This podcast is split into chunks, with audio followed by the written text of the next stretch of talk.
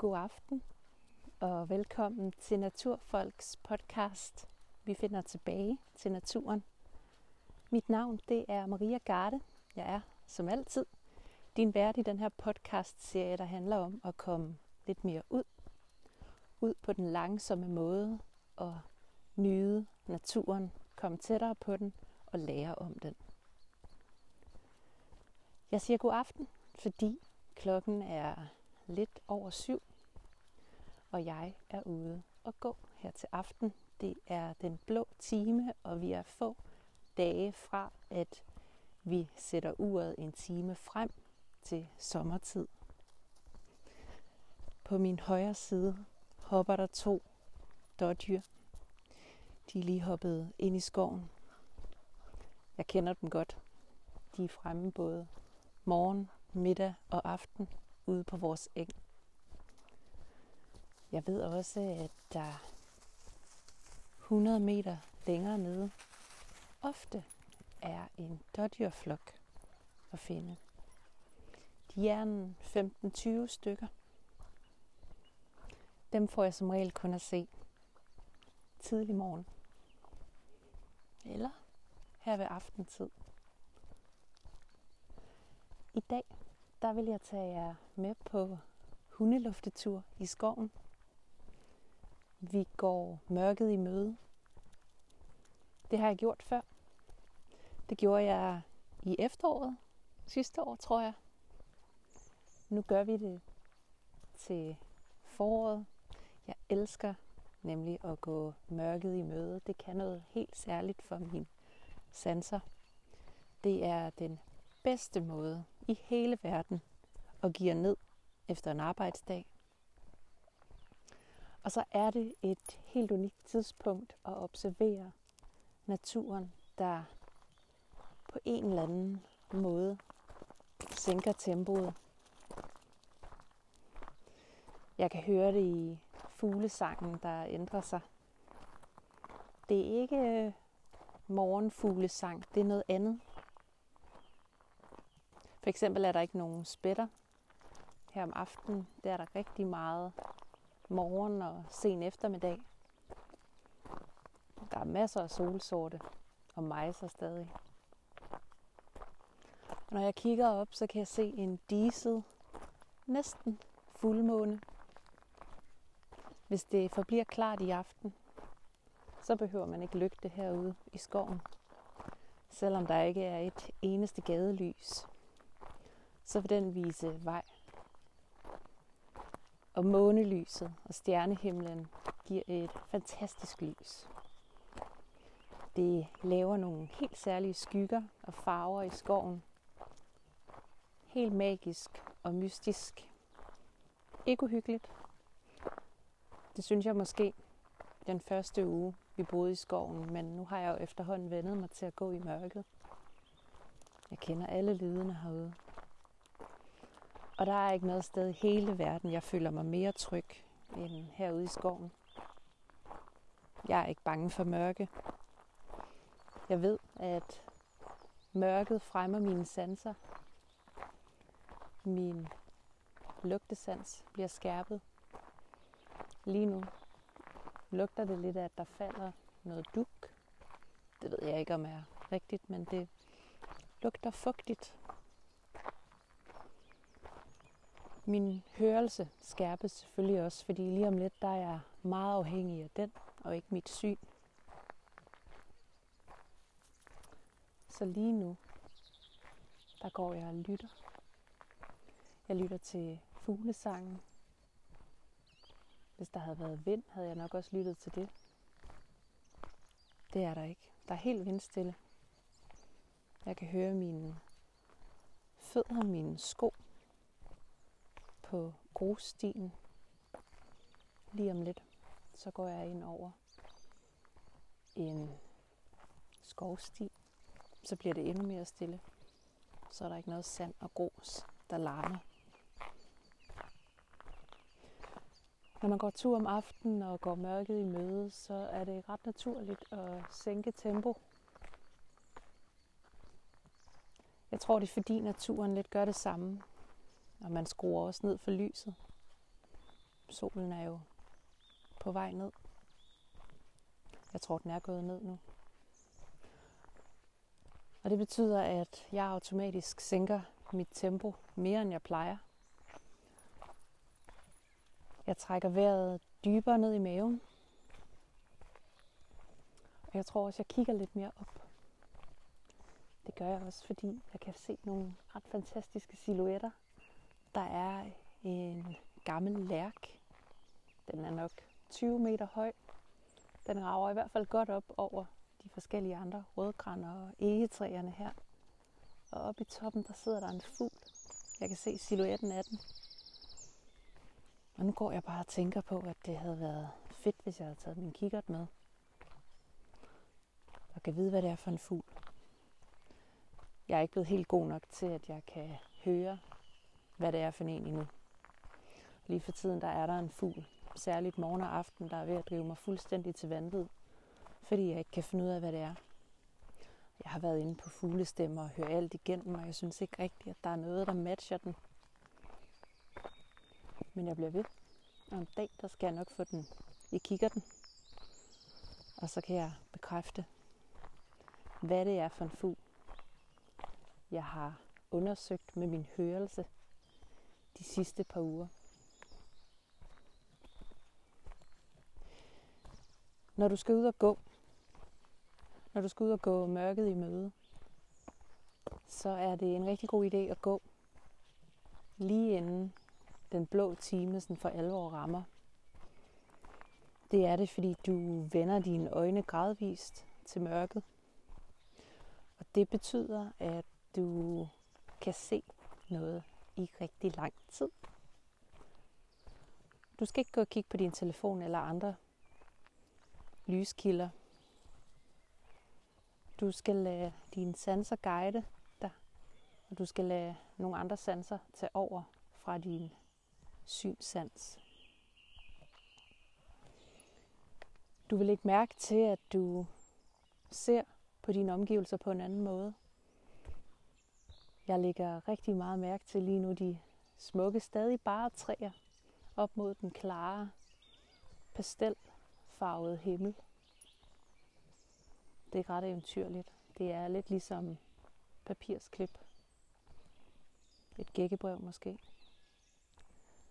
Det er smukke farver, og når jeg står og kigger op lige nu, så lægger jeg mærke til nogle andre træer, end dem jeg plejer at lægge mærke til. Jeg lægger mærke til nogle former, måske nogle udposninger på en stamme, eller nogle heksekoste på en birk. Jeg kender stien her rigtig godt, så jeg behøver ikke at kigge så meget ned. Men ellers er det selvfølgelig en udfordring, især når man går her, hvor jeg gør. Det er bakket terræn, fyldt med sten og grene, man kan falde over. Derfor er det igen så vigtigt at give sig selv lov til at gå langsomt. Det er det jo også, fordi det her det er jo ikke bare en hundeluftetur. Det her det er også min måde at sige tak for en god dag på. Det er en måde at give min krop og mit sind noget selvkærlighed og en måde at sætte øh, mig selv til opladning. Lidt ligesom man gør med en telefon. Jeg lader op, når jeg går herude, og jeg føler mig enormt privilegeret over, at jeg har tid. At jeg finder tid til at gøre det her. Jeg fravælger også en masse andre ting ved at gøre det her. Jeg fravælger at se en serie eller spille et spil med Lasse derhjemme. Det kan vi altid gøre senere eller en anden dag. Men i dag der har jeg valgt at gå ud og lade op. Jeg gør det tit alene. Vi gør det også sammen. Og det er sådan en fin måde at sige tak for en god dag på. Og det betyder også noget ret særligt for min søvn. Jeg er generelt rigtig god til at gå ind og slukke og sove 8 timer. Men jeg kan godt mærke, at når jeg øh, går i seng efter at have plejet mit hoved og min krop ved en langsom tur udenfor, så sover jeg ekstraordinært godt. Det er som om, at jeg har forberedt min krop på, at jeg skal i seng inden for nogle timer. Så hvis jeg ikke går hjem og stresser den med alt for mange podcasts og for meget vidensarbejde, helst ikke noget faktisk, så sover jeg fremragende. Og jeg har efterhånden lært, at hvis jeg ikke prioriterer min søvn, og det har jeg virkelig gjort i mange år, prioriteret min søvn, for hvis jeg ikke gør, så fungerer jeg ikke særlig godt. Jeg er ikke kreativ. Jeg er sur. Og jeg formår ikke at yde det optimale. Det betyder også, at jeg er sådan en sengetids vanvittig type. Jeg øh, går stort set i seng på samme tidspunkt hele ugen. Står op igen på samme tidspunkt. Lige for tiden er det ret sjovt. Det er som om min krop har besluttet sig for, at vi er altså gået på sommertid. Jeg vågner kvart over fem. Også fordi der er ender i søen, og hunden går mok over det. Men jeg vågner og er veludvilet og står op. Og så kan jeg godt mærke, at altså når klokken er ni, så er jeg også ved at være der. Og det er helt okay. Jeg har egentlig altid været god til at følge, hvad det er, min krop siger til mig, og følge årstiden. Men det er alligevel bare lidt sjovt. I år har jeg lagt mærke til, at min krop sådan helt intuitivt nærmest er gået på sommertid. Og det er selvfølgelig, fordi det bliver lysere om morgenen lige nu, og så videre. Men der er noget helt grundlæggende i døgnrytmen og hvad der passer godt til en. Jeg går ind på en skovsti nu. Det betyder, at der er masser af træer omkring mig, og derfor er der også lige pludselig blevet ret meget mørkere. Hvis jeg kigger op, så er himlen stadig sart blå. Og jeg kan sagtens se detaljer. Fuglene synger stadig. De holder nok op om 10 minutter. Så klokken halv otte. Når nu du skal afsted, så giv dig selv lov til at gå din første går mørket i mødetur alene. Søg et område, hvor du ved, at her er måske ikke så mange mennesker. I hvert fald ikke så mange inputs. Hvis du har mulighed for det, så søg naturen. Søg en park. Søg selvfølgelig også et sted, hvor du er tryg. Det giver sig selv. Men mørket skal man som udgangspunkt ikke være bange for. Så er der nogle typer i mørket, man måske kan være bange for. Men det er en anden snak. Men herude i skoven, der er der i hvert fald ikke noget at være bange for. Jeg ved, at dyrene, der pusler, det er 100% sikkert vildtet, der er kommet frem fra deres skjul.